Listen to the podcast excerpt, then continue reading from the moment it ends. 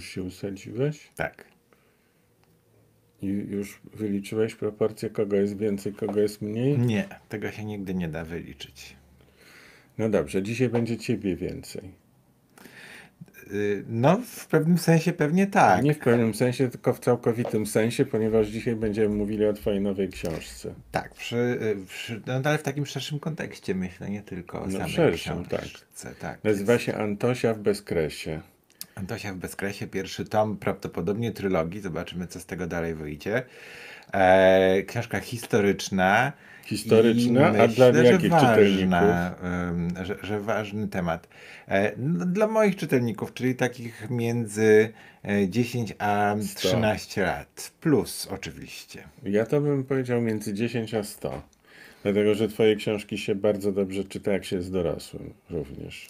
To prawda, są tacy e, czytelnicy, którzy e, kupują książki dla dzieci, ale sami czytają je najpierw dla siebie. No dobrze, ale powiedziałeś historycznym. Czy to jest, są dzieje twojej rodziny na przykład? Historia nie, twoja? Nie, nie, nie. To jest, e, to jest historia Polski w pewnym sensie. E, historia polskich rodzin, wielu.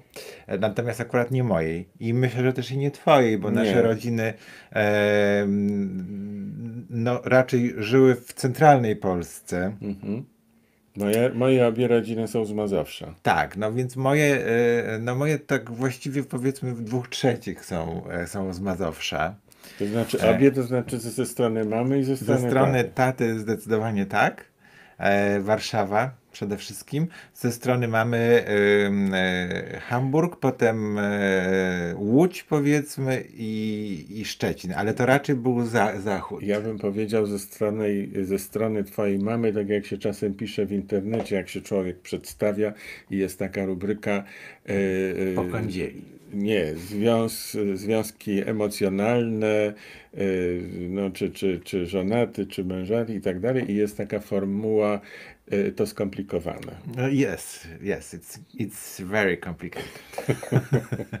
Niemniej jednak e, książka Antosia w bezkresie opowiada o e, Polakach, którzy mieszkali na Kresach Wschodnich. Ale kiedy? E, no wtedy, kiedy jeszcze te Kresy do Polski należały i kiedy to był polski teren. E, Ale myślisz o tym czasie przed II wojną tuż światową? przed II wojną tuż światową przed- i II wojna światowa, czyli moment agresji Związku Radzieckiego na Polskę i e, Teraz się nie mówi. Związku Radzieckiego, tylko Sowietów.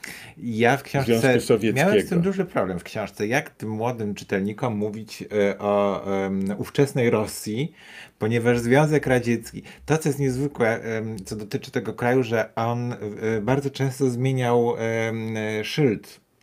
I była to tak, Rosja, był Związek Radziecki, był kraj rad, była To kraj rad oficjalnie się tak nazywa. Bolszewia, no u nas na przykład były chyba czasopismo nawet kraj rad. No, kraj rad, się, było. oczywiście, że był, bo to był kraj rad. Jeżeli był Tak. Związek Socjalistycznych. Republik Radzieckich, no to właśnie dlatego, że to były republiki, w których rady były. Tak, to były, tak, tak. tak I dlatego kraj rady. rad. Tak, no niemniej jednak właśnie bohaterka mojej książki, czy też no właściwie jej matka, mówi, że mm, tak to jest z tą flaszką, że etykietki się zmieniają, a w środku ta sama trucizna wciąż. No tak, to że wschodnia. Mieliśmy zawsze problem ze wschodnimi sąsiadami. Mieliśmy problemy ogólnie z sąsiadami. No ale w- wiesz, niektóre to mieliśmy na własne życzenie, tu mam na myśli Czechy, to, to sami na, na rozrabialiśmy. Natomiast rzeczywiście z tymi potężnymi dawniej, czyli z Rosją, z Prusami, no i z Austro-Węgrami, no to mieliśmy na pieńku nie z własnej winy. No a tak. potem Austria i tak się y, Ale w wyniku czasami własnych decyzji. przewróciła. Tak, no ale tak, no to, to aż tak daleko nie musimy e, odbiegać. Rzecz dotyczy, bohaterką jest Antosia. Antosia mm, e, ma 9 lat w chwili, gdy ją poznajemy.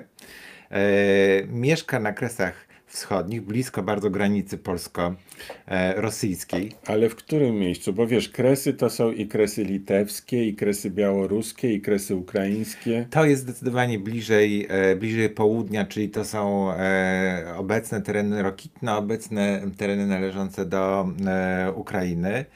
I życie jej tam płynie bardzo, bardzo przyjemnie, dlatego że jej ojciec jest nadleśniczym, e, rodzina jest dobrze sytuowana, e, taka inteligencko, e, powiedzmy, no, mniej szlachecka, bardziej inteligencka. Inteligencka na wsi? No, trudno Miasteczku? mówić, że to jest wieś, bo to jest leśniczówka akurat tam, gdzie No Antosia mieszka. leśniczówka to to jest miejsce, które możemy inteligenckim nazwać? No myślę, że wszystko zależy od ludzi, którzy to miejsce zamieszkują. Hmm. No Może, że, no, oczywiście, że tak, że zależy od ludzi od wykształcenia, ale też i od trybu życia takiego, no na przykład od, od warstw społecznych. No, inteligencja to była warstwa społeczna. Tak, to jest zdecydowanie taka warstwa społeczna. Ja myślę, że nawet też tak dokładnie nie ma co tutaj opowiadać tej, e, te, tego rodowodu Antosi, bo w sumie sam nie jestem pewien. Nie wiem, czy to jest jakaś złożała szlachta, czy to jest po prostu inteligencja, czy to są ludzie, którzy wiesz. e, e, Zubożała szlachta to jest świetny wytrych. Moja mama zawsze Wiem, mówiła, tak. że e, e, ta część, bo jedna czwarta mojej rodziny pochodziła ze wsi, a trzy czwarte z miasta.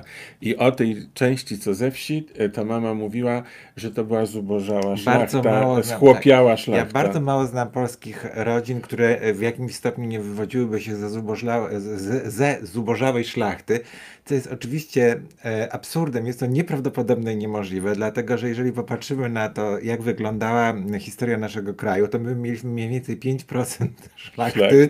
i 95% pańszczyźnianego chłopstwa. W związku z czym gwarantuję wam wszystkim i nam tutaj siedzącym też, że raczej bierzemy się z tego, z tego pańszczyźnianego chłopstwa niż z tej zubożałej szlachty. tak to myśląc, to wszyscy się bierzemy od małpy. No dobrze, No. ale ma, u mnie w rodzinie też od strony e, ojca babcia opowiadała, że, że pochodzimy ze zubożałej szlachty i w ogóle aż no, niesamowite, nawet kiedyś mieliśmy jakiś, jakiś podobno herb, a z Ja my kolei... też, korab. No właśnie, a z kolei Herb moja druga babcia, jesteś. która no, no raczej na, na pierwszy rzut oka widać było, że ze szlachty nie pochodzi, twierdziła, że jej mama również pochodziła Tak. ze zubożałej szlachty. Chwileczkę, jak się y, na pierwszy rzut oka wygląda, że się nie pochodzi ze szlachty? Nie mam bladego pojęcia, no niemniej jednak tutaj ta błękitna krew jakoś powinna buzować, a nie buzowała. Ale co, że na, nakłuwasz i błękitna krew leci? No, nie, no czym skąd, poznajesz? Wiesz skąd błękitna krew była? no, Wiesz skąd nie- w ogóle to nie powiedzenie kojarzę, jest? nie. No ciekawe, czy wy wiecie. Ja nie tak dawno się o tym dowiedziałem.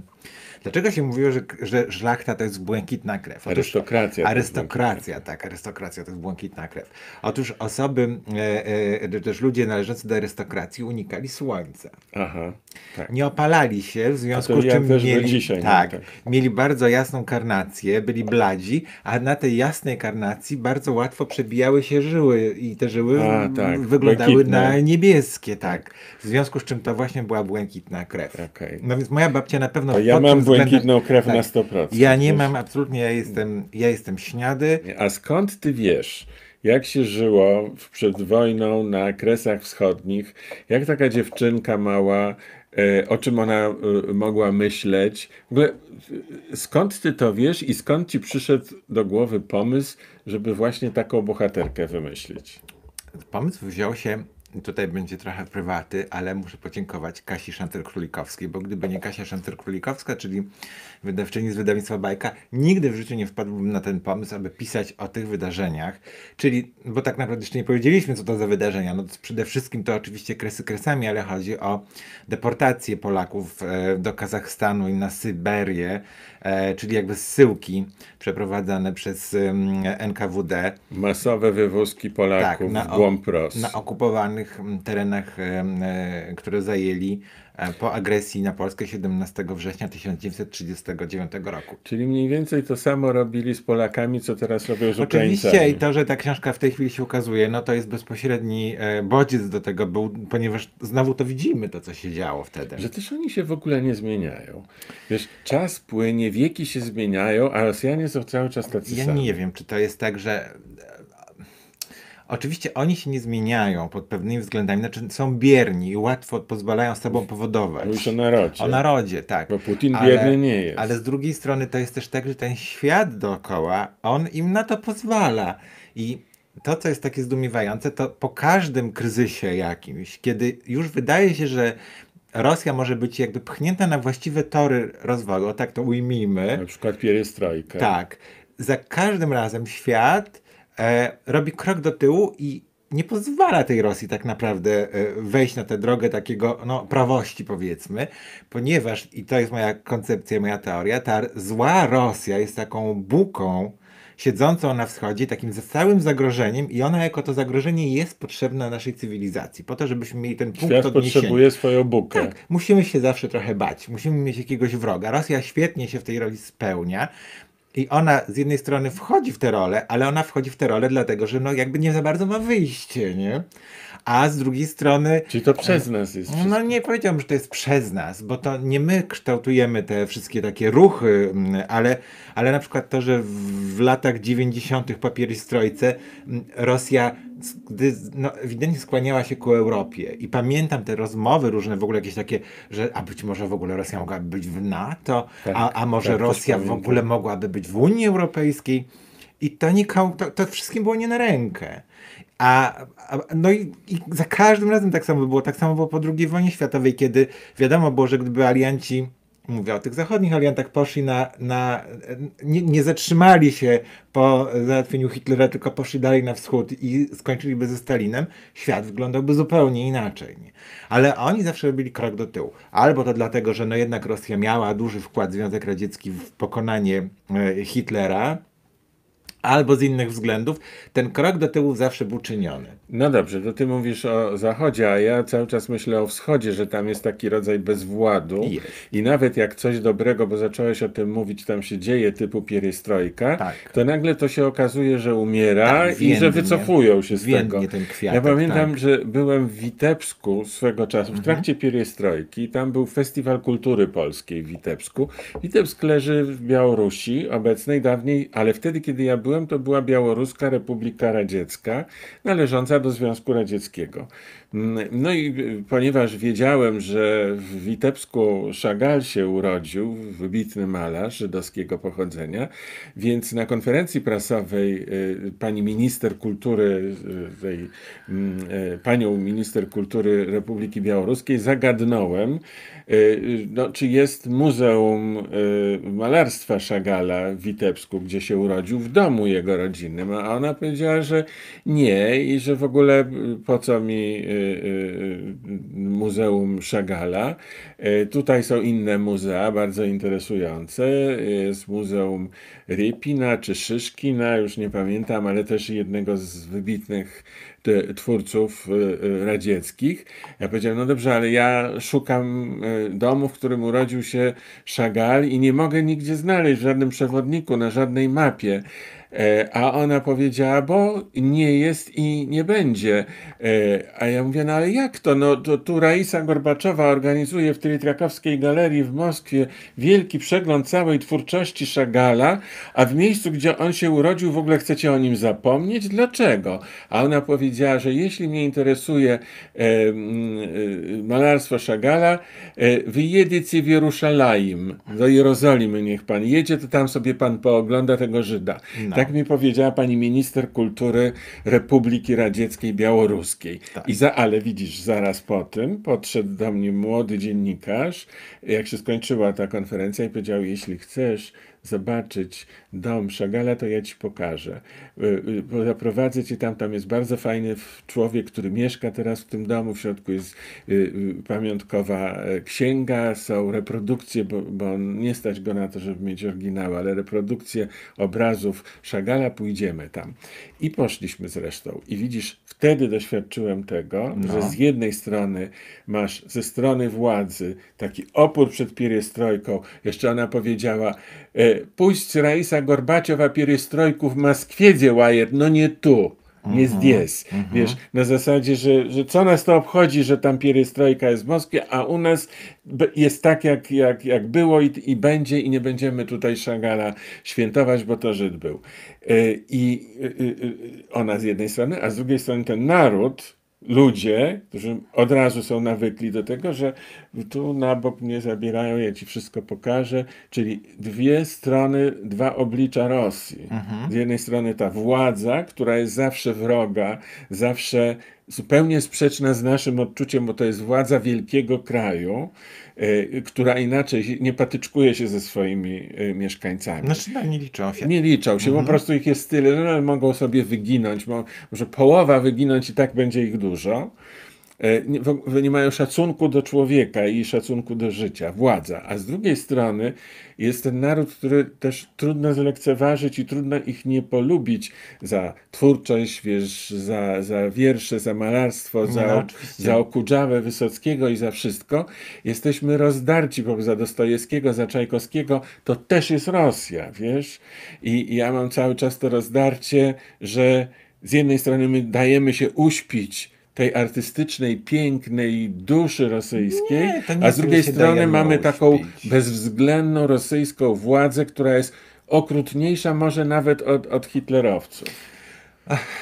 No ja nie, nie, nie powiedziałem, że może są okrutniejsi od hitlerowców, po pierwsze. No dłużej drugie- oni trwają, bo wiesz, hitlerowcy No, tylko mieli jakiś znaczy kto? krótki y, rosyjscy... y, Mówisz o Putinie teraz konkretnie. Nie, mówię o, o, wiesz, i o Leninie, i o... No, no oni się pojawiają i znikają. No, bo, no, I o zawsze to idzie jakąś taką sinusoidą, nie? No mamy zawsze przyciskanie śruby, odpuszczanie śruby. To, że społeczeństwo postępuje inaczej niż chce władza, no nie jest to taka znowu specyfika Rosji, bo to samo mamy w Polsce. E, Co in, czego innego nam e, e, od nas oczekuje władza, czego innego od nas oczekuje Kościół, To a co innego łączy. robimy. To jesteśmy Tak. podobni, ale Niemcy tacy nie No, są. Niemcy być. I Szwe- no Szwedzi może tacy tak, nie są, rzeczywiście wiesz. te narody. No my jednak jesteśmy z tego pnia No. wschodniego. Co byśmy, czego byśmy nie robili, nie mówili, to nie unikniemy tego. Oczywiście, że tak. Ale ja myślę, że tutaj ważniejsze jest niż. Oczywiście, no możemy się zastanawiać nad tym, dlaczego. Ja myślę, że potężniejsze głowy od naszych się zastanawiały, dlaczego ta Tak. Rosja jest taka, jaka jest i, i dlaczego stamtąd zawsze coś wypełznie i, em, i, i będzie kąsało i atakowało i zatruwało świat. A ja się zastanawiam, dlaczego ty się tym zająłeś. Ja się zająłem nie tym, czym jest ta Rosja i na pewno nie tym, e, e, e, nie, nie próbuję znaleźć odpowiedzi na to, dlaczego ten kraj jest taki, a nie inny, Mm, no bo to jednak jest książka dla młodych odbiorców.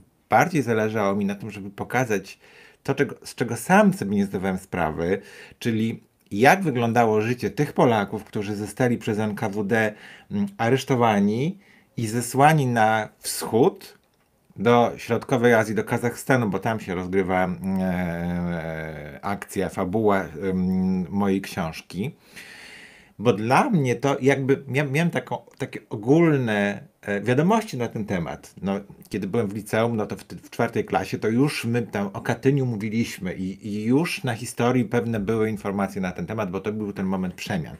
Natomiast tak naprawdę ja z takich popularnych źródeł nigdy nie, nie dostawałem informacji na ten temat. I jak zacząłem szukać książek na temat tego, jak wyglądało życie Polaków zesłanych do Kazachstanu, to ja się nagle zorientowałem, że jest bardzo bogata e, e, e, propozycja, ale to są książki, najczęściej wspomnienia ludzi, którzy tam byli zesłani, spisane przez nich samych. E, niewielka część tych osób była obdarzona talentem literackim, w związku z czym dla kogoś, kogo ten temat bardzo interesuje, no taka To były to dokumenty, ale Jest to dokument. trudne do czytania. Tak, ale trudno się spodziewać, że te książki będą rozchodziły się w ogromnych nakładach, a powinny. Bo o ile my mamy bardzo tak, no bardzo jak bardzo, ale dość dobrze przerobiony temat e, gett, Holokaustu, tego co robili z Polakami Niemcy w czasie II wojny światowej, o tyle my, i myślę, że to naprawdę nie jest to przesada, mamy bardzo słabe pojęcie na temat tego, jak wyglądały prześladowania Rosjan wobec Polaków w czasie II wojny Nie światowej. bez powodu, wiesz, No, ja jestem z pokolenia, które wychowało się w PRL-u, w Polskiej Rzeczpospolitej Ludowej, gdzie te tematy były zakazane.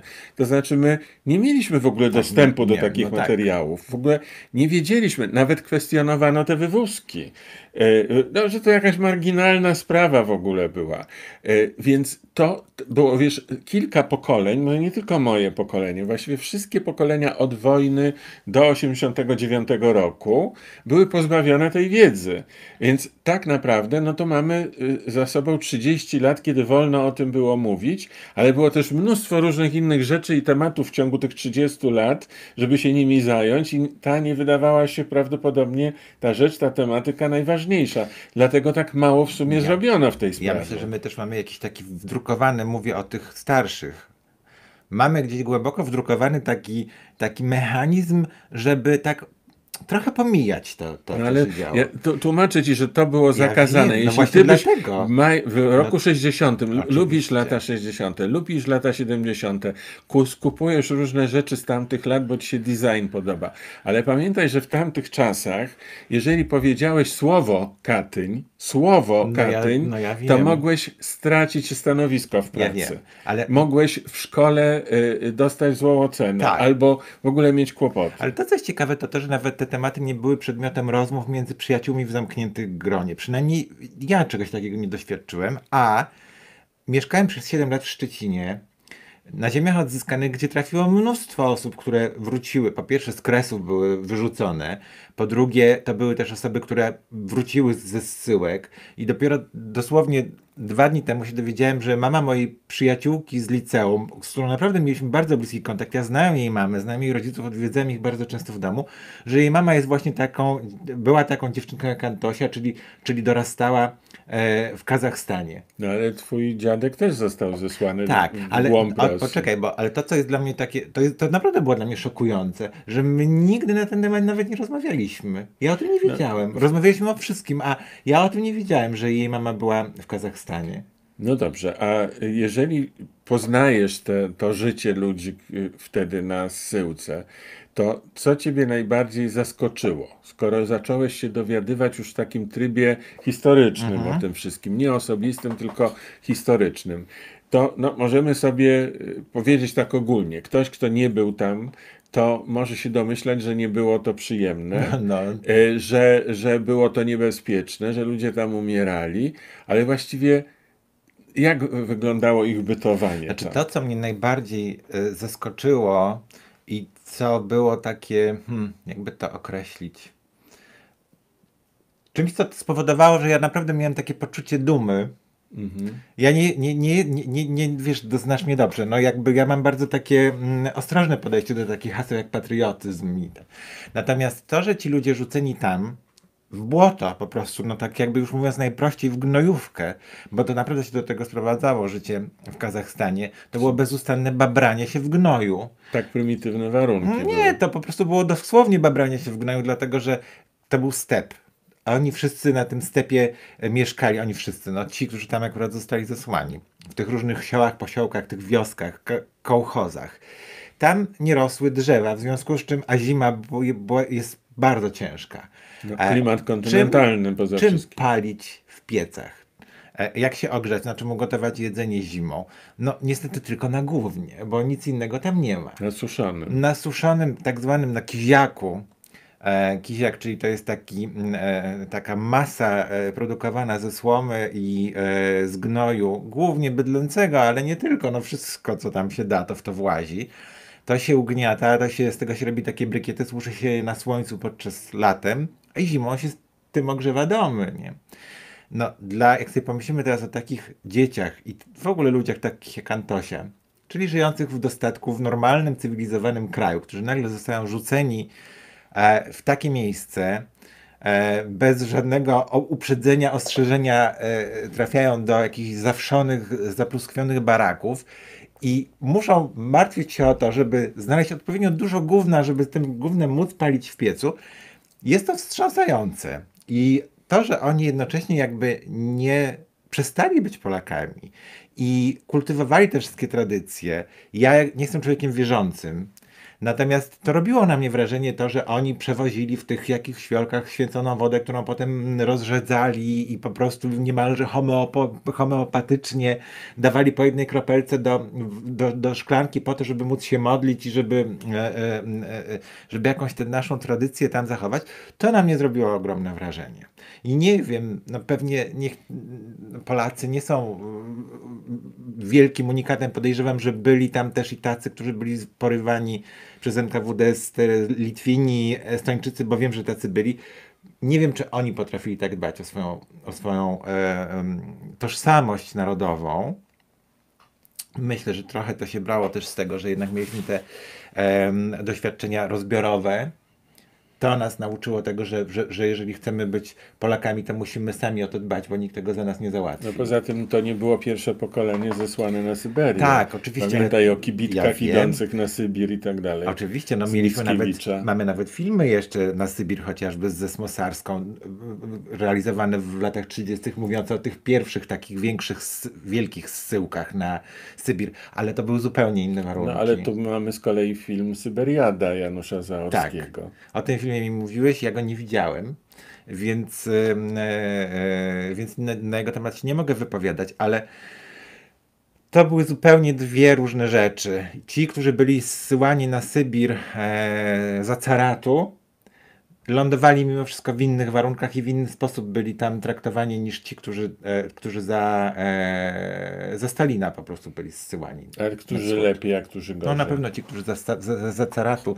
trafiali, mieli większe szanse, żeby tam żyć, no chociażby dlatego, że wieś rosyjska wtedy wyglądała inaczej. No były dwory kułackie i kułacy, którzy jednak to były, to, no to były bardzo bogate ziemie. Ale czekaj, co ty mówisz, że za caratu tam było lepiej i, i, i byli bogatsi, a potem były, byli Chłopi biedniejsi? lokalni lokalni, chłopi lokalni. No. No, za, potem za, za komuny było, e, były kołchozy. Ludzie już nic nie mieli.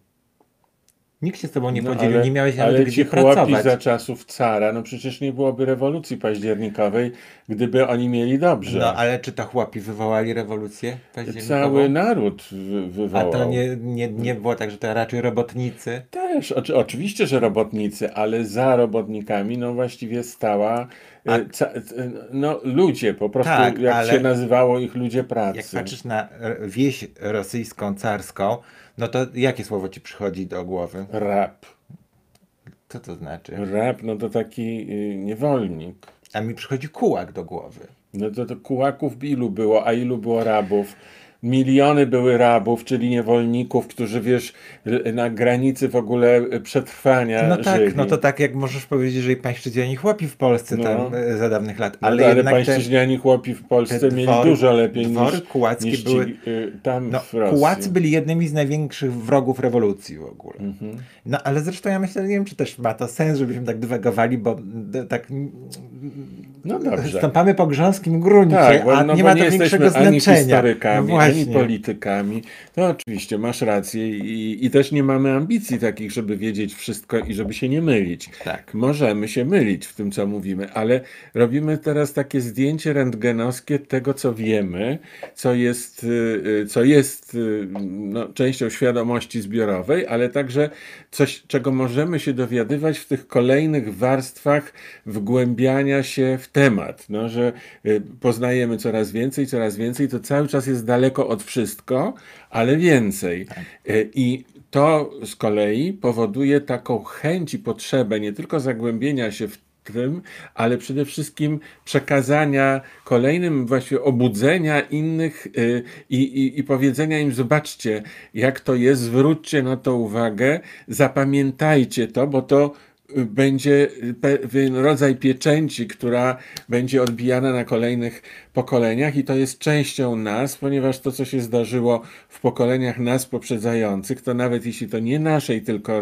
nie, nie naszej konkretnie rodziny dotyczy, ale jakiejś innej, która jak się okazuje jest rodziną twojej najbliższej koleżanki, to i tak nas per saldo, czyli ostatecznie, w ostatecznym e, rachunku dotyczy. Przede wszystkim to, co jest najważniejsze i to to było powodem, który, e, który e, jakby skłonił mnie do szybszej pracy, bo ja myślałem oczywiście o tym e, temacie za sprawą Kasi Szanter, która mnie e, e, ukierunkowała lekko w tę stronę, pożyczając mi książkę Ordonki Tułacze Dzieci. To był pierwszy właściwie mój taki kontakt z tym, z, tym, z, z tą historią. Ona szła z Kazachstanu z Tak. dziećmi, z dziećmi, z, no, z, któ- któ- o, sierotami, który, którymi się opiekowała i szlakiem generała Andersa, z armią Andersa przeszła aż na Bliski Wschód, Tak, ale... gdzie e, zresztą zmarła na suchotę. Tak.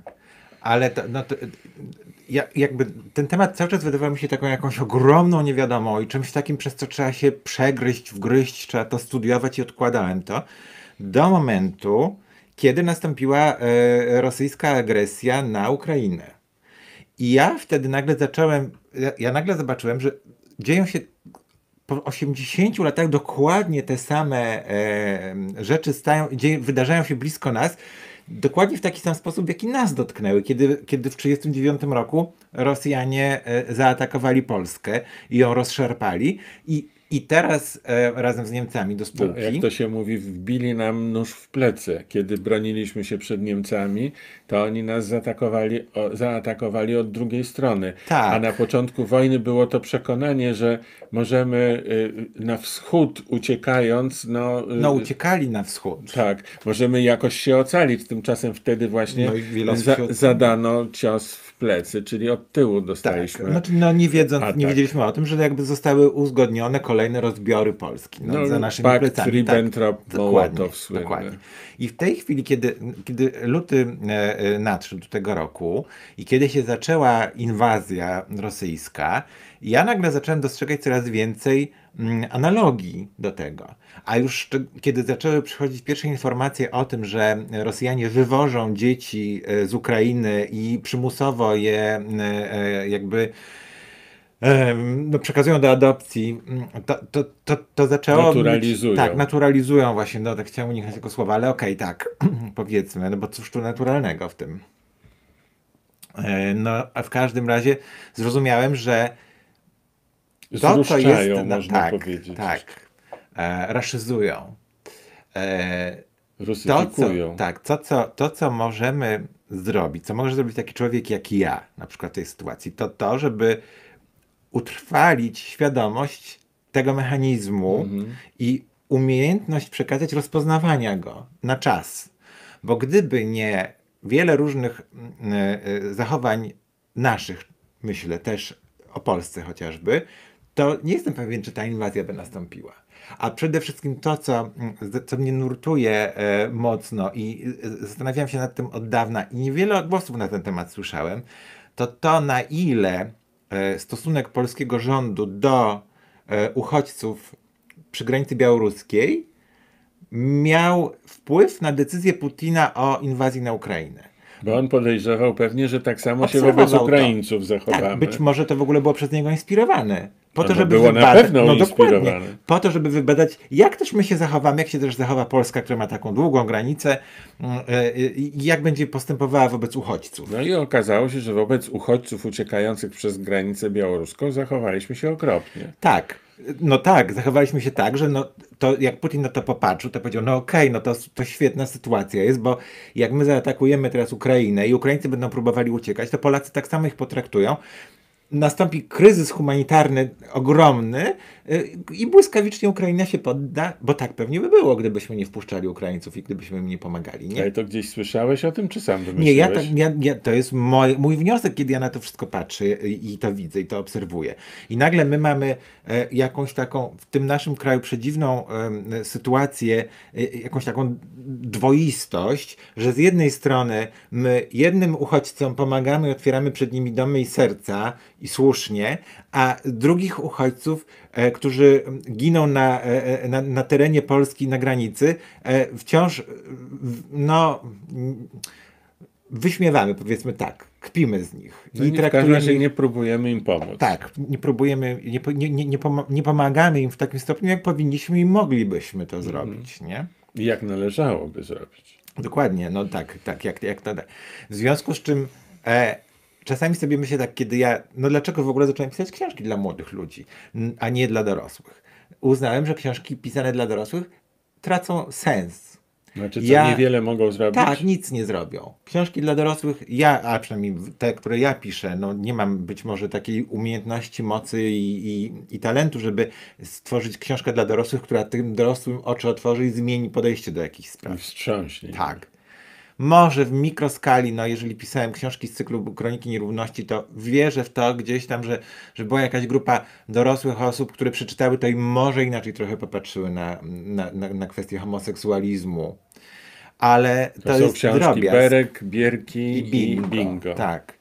E, natomiast te dotyczące innych tematów, ja tego zrobić nie umiem. Natomiast wydaje mi się i wierzę w to głęboko, że mm, pisanie takich książek dla młodych ludzi ma też ma też gdzieś szans, jest w tym jakaś ta szansa, żeby, żeby tym, tym młodym ludziom coś uświadomić, nauczyć ich czegoś i dzięki temu ten świat zmienić. No nie dzisiaj, ale za lat 10, 15 czy 20. No poczekaj, ale zanim zmienisz świat, czy nie obawiasz się tego, że tą taką książką i taką tematyką możesz ty swoich y, y, czytelników po prostu wystraszyć? Ta, ale to wiesz co, no jakby ja pisałem już dla, mówisz o młodych czytelnikach. No No, tak.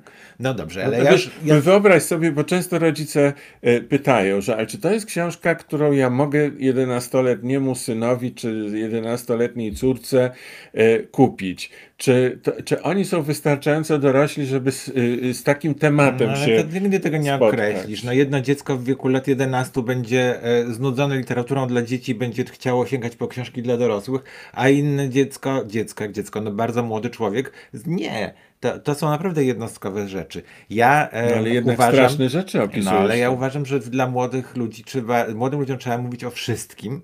Pytanie tylko jak to robić umiejętnie. E, pisałem książkę, napisałem książkę o, o, o getcie warszawskim i o Holokauście. E, jeden z Czyli bohaterów Arka Czasu. Arka czasu. Jeden z bohaterów mojej książki, e, Leo z książki Leo i Czerwony Automat był dzieckiem, które przyszło na świat dzięki metodzie in vitro. E, em, opowiadałem o stanie wojennym w książce Teatr Niewidzialnych Dzieci, o rozbitych rodzinach i to kilkakrotnie już i o patchworkowych rodzinach, chociażby w Królowej Wody czy w Za Niebieskimi Drzwiami. Znaczy, no, uważam, że, że jeżeli mam pisać książki dla młodych ludzi, no to po to, żeby mówić tym młodym ludziom o ważnych rzeczach. I wiem, że jest taka grupa tych młodych moich czytelników, którzy to bardzo doceniają i na których to wpływa. Natomiast tu w przypadku Antosi oczywiście ten element istnieje, to jest bardzo istotny doping dla mnie, żeby pisać o czymś ważnym, o czym oni powinni wiedzieć i czego powinni być, czym powinni być zainteresowani, ciekawi informacji na ten temat powinni szukać na własną rękę, ale to jest też dla mnie bardzo ważne, bardzo ważne doświadczenie. E, powiedziałbym, e, e, które chociaż no, bardzo delikatnie teraz mówię ostrożnie, stąpam po tym gruncie, który wydaje mi się mocno grząski, natomiast poznawanie tej historii w jakiś sposób uświadomiło mi mocniej, że jestem Polakiem i co to znaczy być Polakiem. I co to znaczy? A to wiedziałem, że teraz zapytasz, co to znaczy. Em, e, to znaczy, że ja jestem związany z tym miejscem, e, z tymi ludźmi, na dobre i na złe. I, e, I to, że przeczytałem tę historię, spowodowało, że zacząłem poznawać tę historię. Napisałem to- tę historię o Antosie, ale zacząłem też i poznawać naszą historię od tej strony. Spowodowało, że, że przestało mi to ciążyć Mhm. bo były takie momenty w naszej historii, szczególnie niedawnej, kiedy ta świadomość, że ja jestem Polakiem i że jestem z Polski i nie ucieknę od tego, e, budziła moją irytację. I ten los y, Polaków y, wywiezionych w głąb Rosji zmienił to nastawienie? Nie tyle los ich, co ich postawa w tych okolicznościach. I zacząłem się zastanawiać, jak ja sam bym się zachował w takich okolicznościach. Gdyby dzisiaj e, Polska została zaatakowana przez Rosję e, i gdyby siły takie jak NKWD, teraz to jest chyba FSB, FSB. FSB e, Ta weszły i organizacja, zaczęły z tak, której Putin się wywodzi. nas łapać. Oczywiście prawdopodobnie no, akurat geje, w ogóle wszystkie osoby LGBT miałyby kompletnie przechlapane, bo mają przechlapane w Rosji teraz cały czas, nie? Ale mm, gdyby nas zaczęli ładować właśnie w takie tiepuszki, takie, takie te wagony towarowe wysyłać do Kazachstanu, może nie, bo to już nie jest ich teren, ale kto wie, co będzie niebawem, nie? No, ale Syberia ciągle jest ich. Syberia i tak, Workuta. E, e, e, czy, czy ja bym, czy ja bym był w stanie zachować e, godność w tych, w, tych, w tych warunkach. I tego nie jestem pewien, ale ta, ta historia. Się im? Na tyle, na ile byłoby to możliwe. Tak, ja no, no nie, nie sądzę, żebym ja się tak łatwo poddał. Ja przymusu nienawidziłem yy, odkąd pamiętam i nawet już sama konieczność chodzenia do przedszkola wywoływała we mnie bunt. Czy do szkoły. Nienawidziłem szkoły, ale nie dlatego, że wydawała mi się nudna czy niepotrzebna, tylko dlatego, że była... Przymusem. Tak, ja chciałem czy nie chciałem, ja musiałem tam pójść. To wywoływało moją Doprowadzało to do białej gorączki. Dlatego wynaleziono wagary. No ja wiem, ja je też wynalazłem na własną rękę, jeszcze zanim się dowiedziałem, czym są. No właśnie po to, żeby się jakoś wyzwolić z tej konieczności. Tak. I, i, i, żyć tak, jakby się samemu no chciało. tak, ale tego, od konsekwencji człowiek nie, nie, niestety nie mógł uciec. Ale wracam do twojej książki Antosia Bezkre... w, bezkresie, bezkresie, tak. w Bezkresie, która tam. się właśnie ukazuje teraz w księgarniach. Nie mamy jej jeszcze fizycznie w ręku, ale parę razy już nas zobaczyliście na ekranie, bo dzięki nowym umiejętnościom e, monter, monterskim montażowym. Montażowym. Montażowym Tomka Monterskim. Monterskim. E, monterskim. To Monterowa to była, wiesz, bohater... No bo Monterowa była bohaterka twojej książki. Niżej, tak, no, tak, i sąsiadka mojej babci. Tak. Ale e, już zobaczyliście tę okładkę, e, podejrzewam parę razy. No właśnie ja o tę okładkę chcę zapytać. Otóż tam mamy matrioszkę na okładce. Tutaj, teraz, teraz tutaj, w tym miejscu, tu, tu, tu gdzieś mam... powinna być okładka. Dobrze, w każdym razie jest matrioszka. Tak, tak. Dlaczego matrioszka? Co ona tu oznacza? A, Bo ona jest przez ciebie tak. no, szczególnie y, zbudowana. Jestem autorem tej okładki, to prawda. Y, jestem autorem y, trochę z konieczności, bo od. No widzisz, no, Putin najechał na Ukrainę, ale na nas to ma bezpośredni wpływ na e, chociażby y, funkcjonowanie naszego biznesu. O, że tak powiem, piszemy, ja piszę książki, Tomek też wydajemy te książki. Od Sami lutego, tak, mamy, mamy wydawnictwo, swoje wydawnictwo, nawet imienia. dwa. Y, y, y, latarnik jest imienia Zygmunta tak. Kałużyńskiego. I oficyna wydawnicza AS imienia Asa. Asa. Tak, z hydrozagadki oczywiście. Tak. E, od momentu, kiedy Putin e, i wojska Putina, nie nawet wojska, no bandy Putina zaatakowały Ukrainę, e, wpłynęło to bezpośrednio na funkcjonowanie naszego biznesu w ten sposób, że sprzedaż książek w Polsce spadła dość znacznie. Mniej więcej o jedną trzecią mniej książek sprzedaje się od lutego. E, w związku z czym, e, no tutaj jakby ograniczyliśmy wydatki i ja sam e, postanowiłem zrobić okładkę, chociaż od pewnego czasu prosiliśmy o współpracę wybitnych, naprawdę wybitnych grafików i graficzki, ilustratorów, ilustratorki. No tym razem jakby wróciłem do korzeni, zaprojektowałem okładkę. No i właśnie, jest matrioszka. Jest. Miała być zupełnie inna okładka na początku. E, ja nigdy nie uważałem, że jestem wybitnym grafikiem, nie uważam, że jestem wybitnym artystą, jeżeli chodzi o tę dziedzinę. Raczej zawsze postrzegałem siebie jako rzemieślnika. Bardzo ładna, nic tu nie ma do rzeczy, czy ty się tak postrzegasz, czy inaczej. Odpowiedz mi wreszcie na pytanie, tak, co, ale nie, bo ja dlaczego jest ta matrioszka? Na początku ta okładka miała być taka bliska e, okładką książek dla dzieci. Mhm. Czyli tam była Antosia, w, e, taka dosyć to była malarska okładka nawiązująca do e, malarstwa rosyjskiego. Zresztą dobrze wiesz, bo nakupowałem tych albumów e, po prostu jakieś, jakieś tony, żeby się tutaj e, inspirować. I zrobiłem taką okładkę, ale nawet jej nie widziałeś, ponieważ jak ja ją zrobiłem i poukładałem już tam te wszystkie literki, włożyłem sobie, pomyślałem, że jakieś to jest banalne. I to wygląda jak setna książka o, mm, dla dzieci o jakiejś dziewczynce. Tło się zmienia, ale wszystko jest takie samo. I ten pomysł o zamknięciu głównej bohaterki w matrioszce od pewnego czasu już mi tam w głowie siedziało, ale trochę się tego bałem, dlatego że myślałem sobie, to, to takie publicystyczne szalenie i mm, cóż, dla, no, nie, nie, nie przystający być może do książki dla dzieci. Mm -hmm. No mniejsza z tym. W każdym razie uznałem, że ta okładka powinna być taka, jaka jest. To jest e, matrioszka. W tej matrioszce uwięziona jest główna bohaterka. Może wyglądać przez to małe okienko. Jest zamknięta na kłódkę w tej, w tej e, e, babuszce. Tak się mówiło, chociaż ta babuszka to nie matrioszka, nie? Ale jak mały to się mówiło babuszka na to, może dlatego, że tak. Może u ciebie, może tak, mówiono matrioszka. matrioszka. I wszystko jest w takiej estetyce mocno rosyjskiej, te, ten, ten, ten styl malowania naz- nazywa się żostowo, bo to jakby, jak rozumiem, To jest na drewnie. wziął Bo, się... bo w ogóle matrioszki są drewniane. Są drewniane matrioszki, tak. E, Ale ten sposób malowania kwiatów, takich głównie tych ornamentów kwiatowych, to jest, to, to się nazywa żostowo, bo jak rozumiem, tak jak są chochłomy, czyli z, charakterystyczne z tego regionu, sposób malowania i zdobienia przedmiotów czarnych, najczęściej w złote liście i czerwone, jakieś takie motywy, ornamenty Takie były szkatułki. Kwiatowe, no tego było od groma, wszystko było. Wszystko było z chochłom, chochłami. Pamiętam, te chochłomy zalegały w stosach na bazarach, nikt tego nie chciał, a teraz zaczynają być pomału poszukiwane.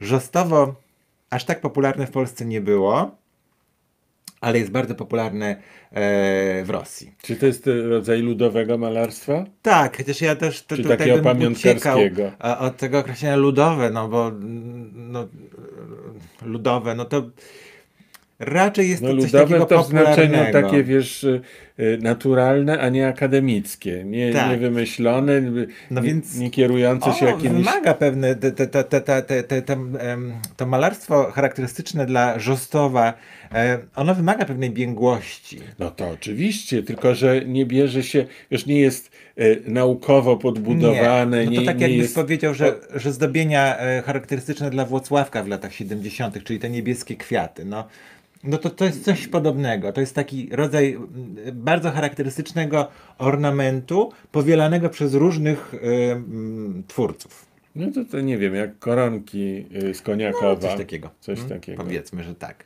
To, to na pewnym poziomie jest oczywiście e, urzekające, bo, bo jest taki No, bardzo ale prosty jest sposób. Tak. groźne, bo ta dziewczyna jest jak w więzieniu. Ale Ona- jest też Ona jest jak w trumnie, słuchaj, zamknięta. No, ona jest zamknięta jak w trumnie, bo dokładnie tak bardzo dobrze to ująłeś. Ja w ten sposób o tym nie pomyślałem, ale tak, rzeczywiście masz rację. No, ta matrioszka dla niej jest być może trumną.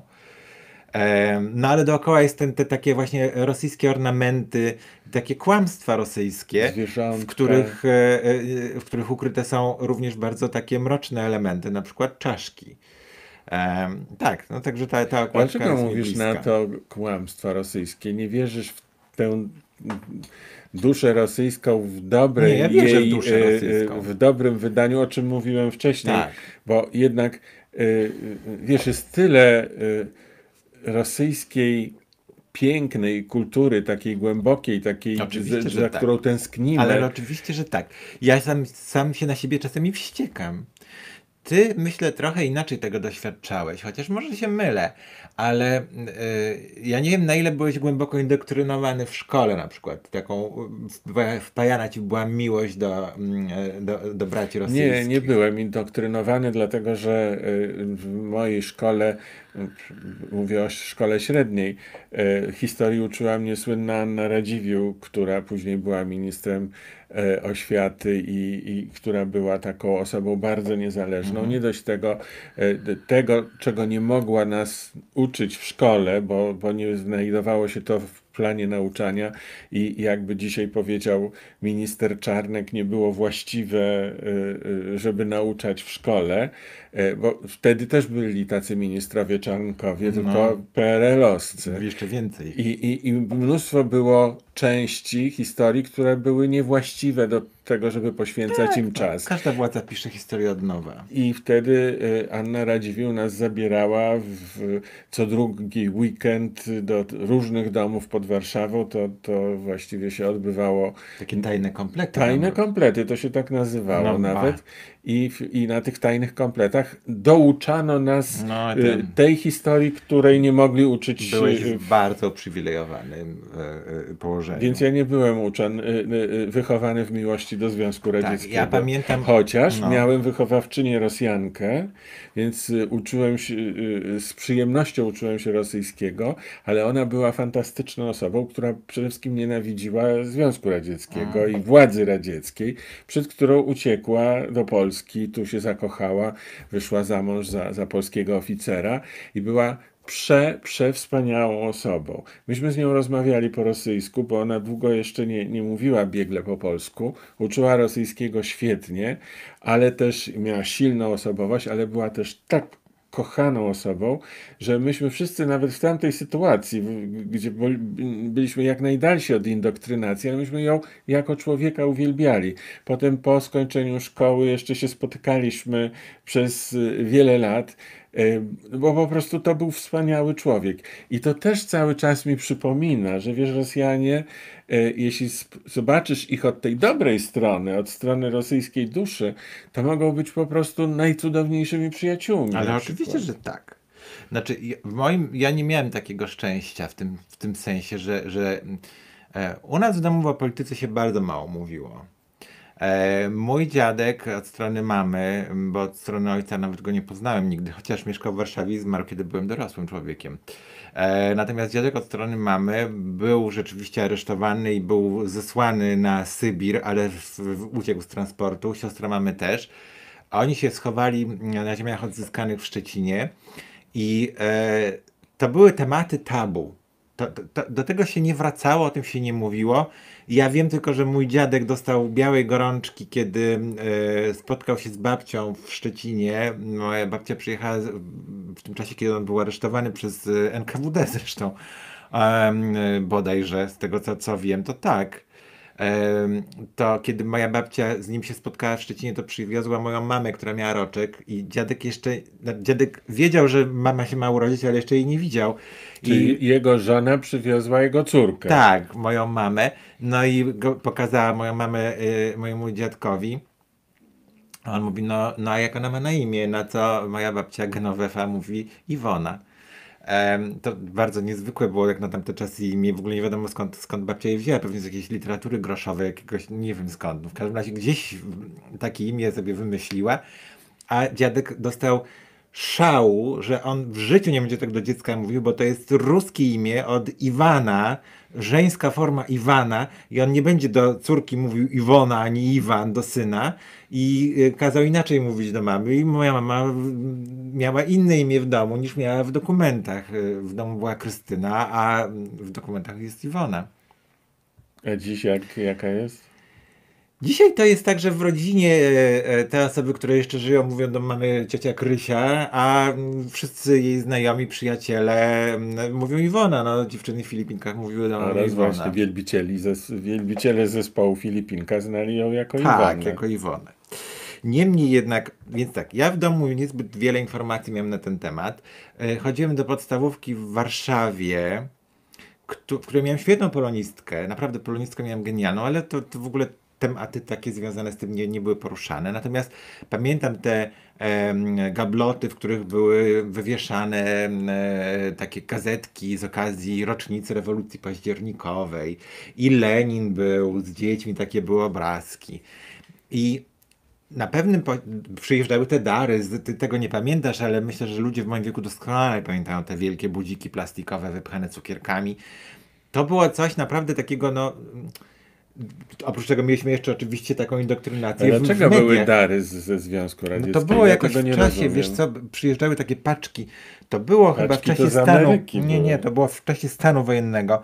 Takie plastikowe budziki wypchane cukierkami. To chyba w 81 roku były te pierwsze, pierwsze tak. No w szkołach to rozdawali. Mhm. Do dzisiaj pamiętam ten zapach takiego taniego plastiku, tego, z tego budzika. I bardzo dobre zresztą były te słodycze. Przede wszystkim te konfiety to były świetne, tak, takie tak. duże były Tak. te, te cukierki. No. Mieliśmy tak, czterech pancernych i psa, no gdzie wiadomo, no Rosjanie byli najkochańsi. Marusia, Marusia, to była przecież no, Tak. nasza Madonna, Marusia. Polaraxa. Pola Raxa, którą uwielbiam i która chyba nie Tak, była on do końca zadowolona, zadowolona z E, tej roli. Pamiętam, że się wiele razy kłóciliśmy, ponieważ ja tak jakoś nie, nie miałem takiego przekonania, Tak, że Polaraxa głównie była taka strasznie kojarzy. ważna. Panienkę tak. z okienka. A panienkę z okienka kojarzyłem i, i, i Marusię właśnie. I no, widziałem inne filmy, a jakoś nie zrobiła na mnie takiego wyjątkowego wrażenia. Natomiast dla Marcina to w ogóle y, y, y, no, ikona. Tak, ona była, ona, Barbara Brelska, to były takie rzeczywiście aktorki polskie, które ja uważałem, że są bardzo ważne. Może nie do końca z racji na ich e, osiągnięcia artystyczne, chociaż grały w świetnych filmach, jedna i druga. Natomiast one obie stworzyły takie archetypy młodych, nowoczesnych Polek, e, do których młode dziewczyny w Polsce chciały dorosnąć. Chciały być takie, tak, chciały być takie jak, jak Pola Raksa wcześniej i trochę później Barbara Brylska. nie? Ale no mniejsza z nimi. No, czy to, nie, nie dlaczego, nie mniejsza, cudownie, że one są.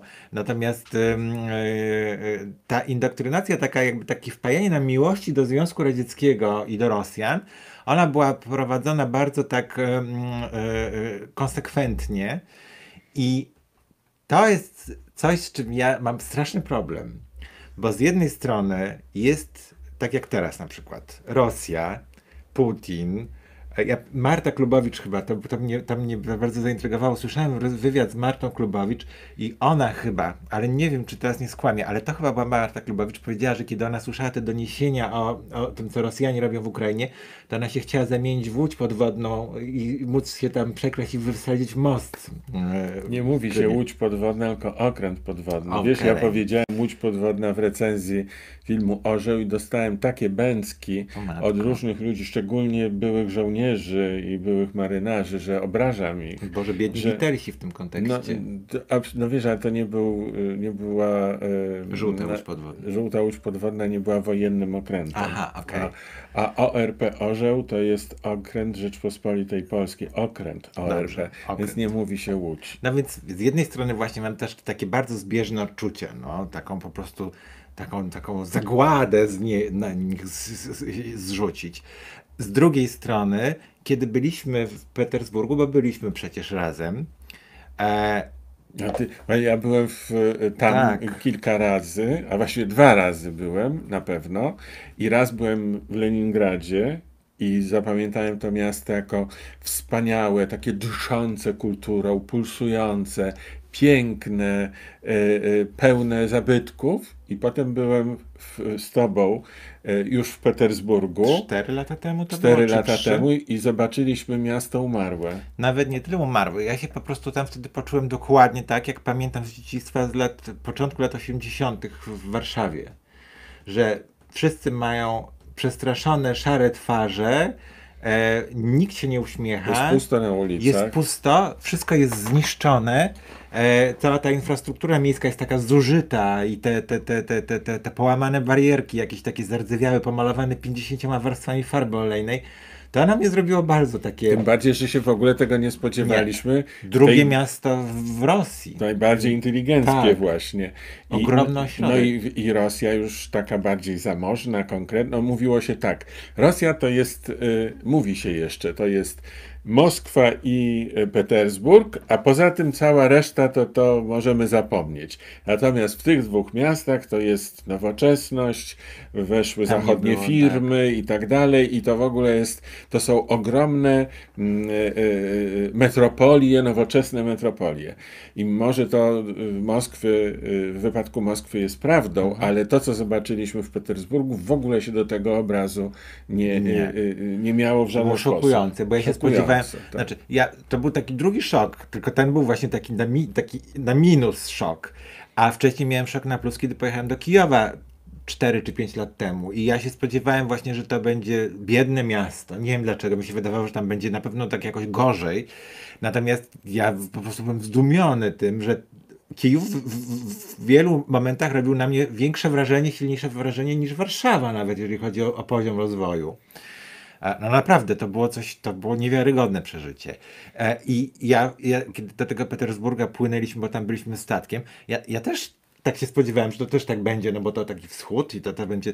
I Spotkanie już było y, w momencie, Tak. kiedy paszporty pokazywaliśmy. Tak, w ogóle tak I w ta taka urzędniczka w porcie, która wbijała te pieczęcie, bo która trzeba... się nic nie zmieniła, po prostu taka żena za pultą. w filmie jakimś Tak, e, z e, lat radzieckim. 80., 70. I, I ja do Oko niej podchodzę niebieskie. i zdrastwujcie, mówię tak e, z No radością, tak, z uśmiechem, a ona Kamienna twarz, kamienna twarz, absolutnie nie. Kamienna, niechętna, odpychająca. Tak.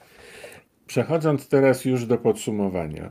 E, Ta książka, e, e, kiedy trafi w ręce młodych czytelników, to chciałbyś, żeby co w nich zmieniła, co, co im pokazała, co, czym zachęciła do tego, żeby kupili drugi tom z tej serii? Przede wszystkim chciałbym, żeby ci młodzi ludzie, którzy tę książkę będą czytali, ale w ogóle młodzi ludzie, którzy wchodzą pomału w dorosłość, mieli tę świadomość, że naprawdę historia kołem się toczy i to jest te, te mechanizmy się powtarzają i od nas tylko i wyłącznie zależy to, żebyśmy my w pewnym momencie zdawali sobie sprawę z tego, jakimi konsekwencjami grożą takie, a nie inne poczynania i żebyśmy nawet kiedy jest nam wygodnie e, i kiedy jest nam bezpiecznie, to żebyśmy jednak potrafili, potrafili się przeciwstawić. I to jest bardzo ważne, bo gdybyśmy e, e, to, na przykład, co teraz ponosimy tego konsekwencje i też mnie to denerwuje, że nikt o tym nie mówi.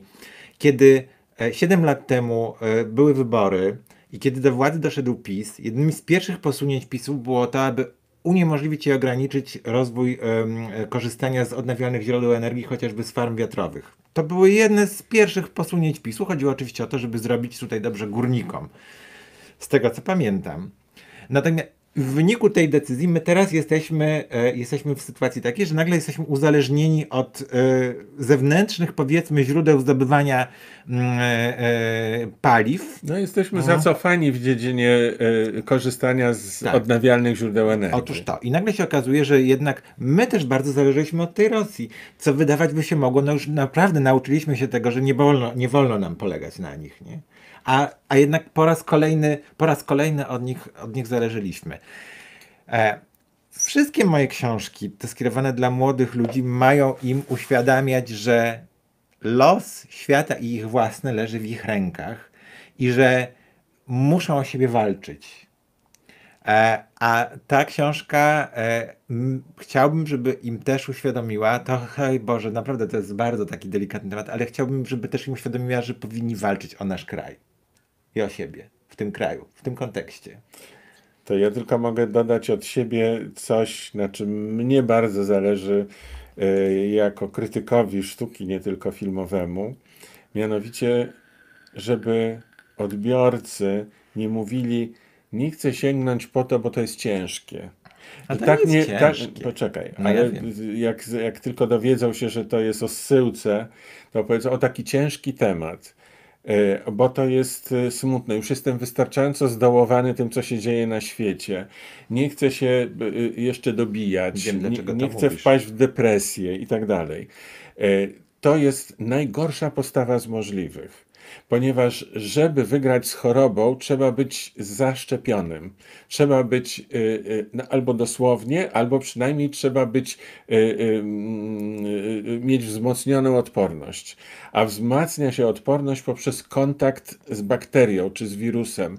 Nie ma innego sposobu uzbrojenia się niż kontakt bezpośredni. Tak. W związku z tym nie można odsuwać od siebie tego, co jest trudne, mówiąc, nie, ja chcę tylko się odmurzyć, ja chcę się tylko y, y, oderwać, ja chcę tylko odpocząć, nie, nie, nie będę sobie jeszcze dokładać.